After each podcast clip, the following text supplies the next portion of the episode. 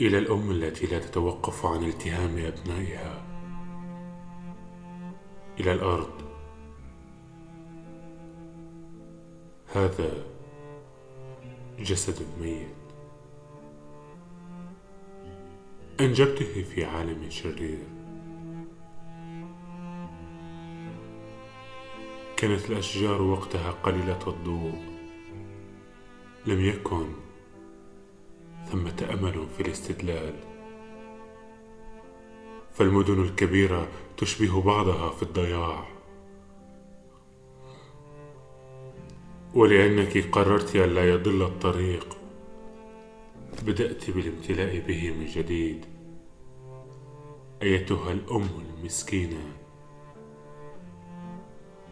لك في الحياة ما لها عليك.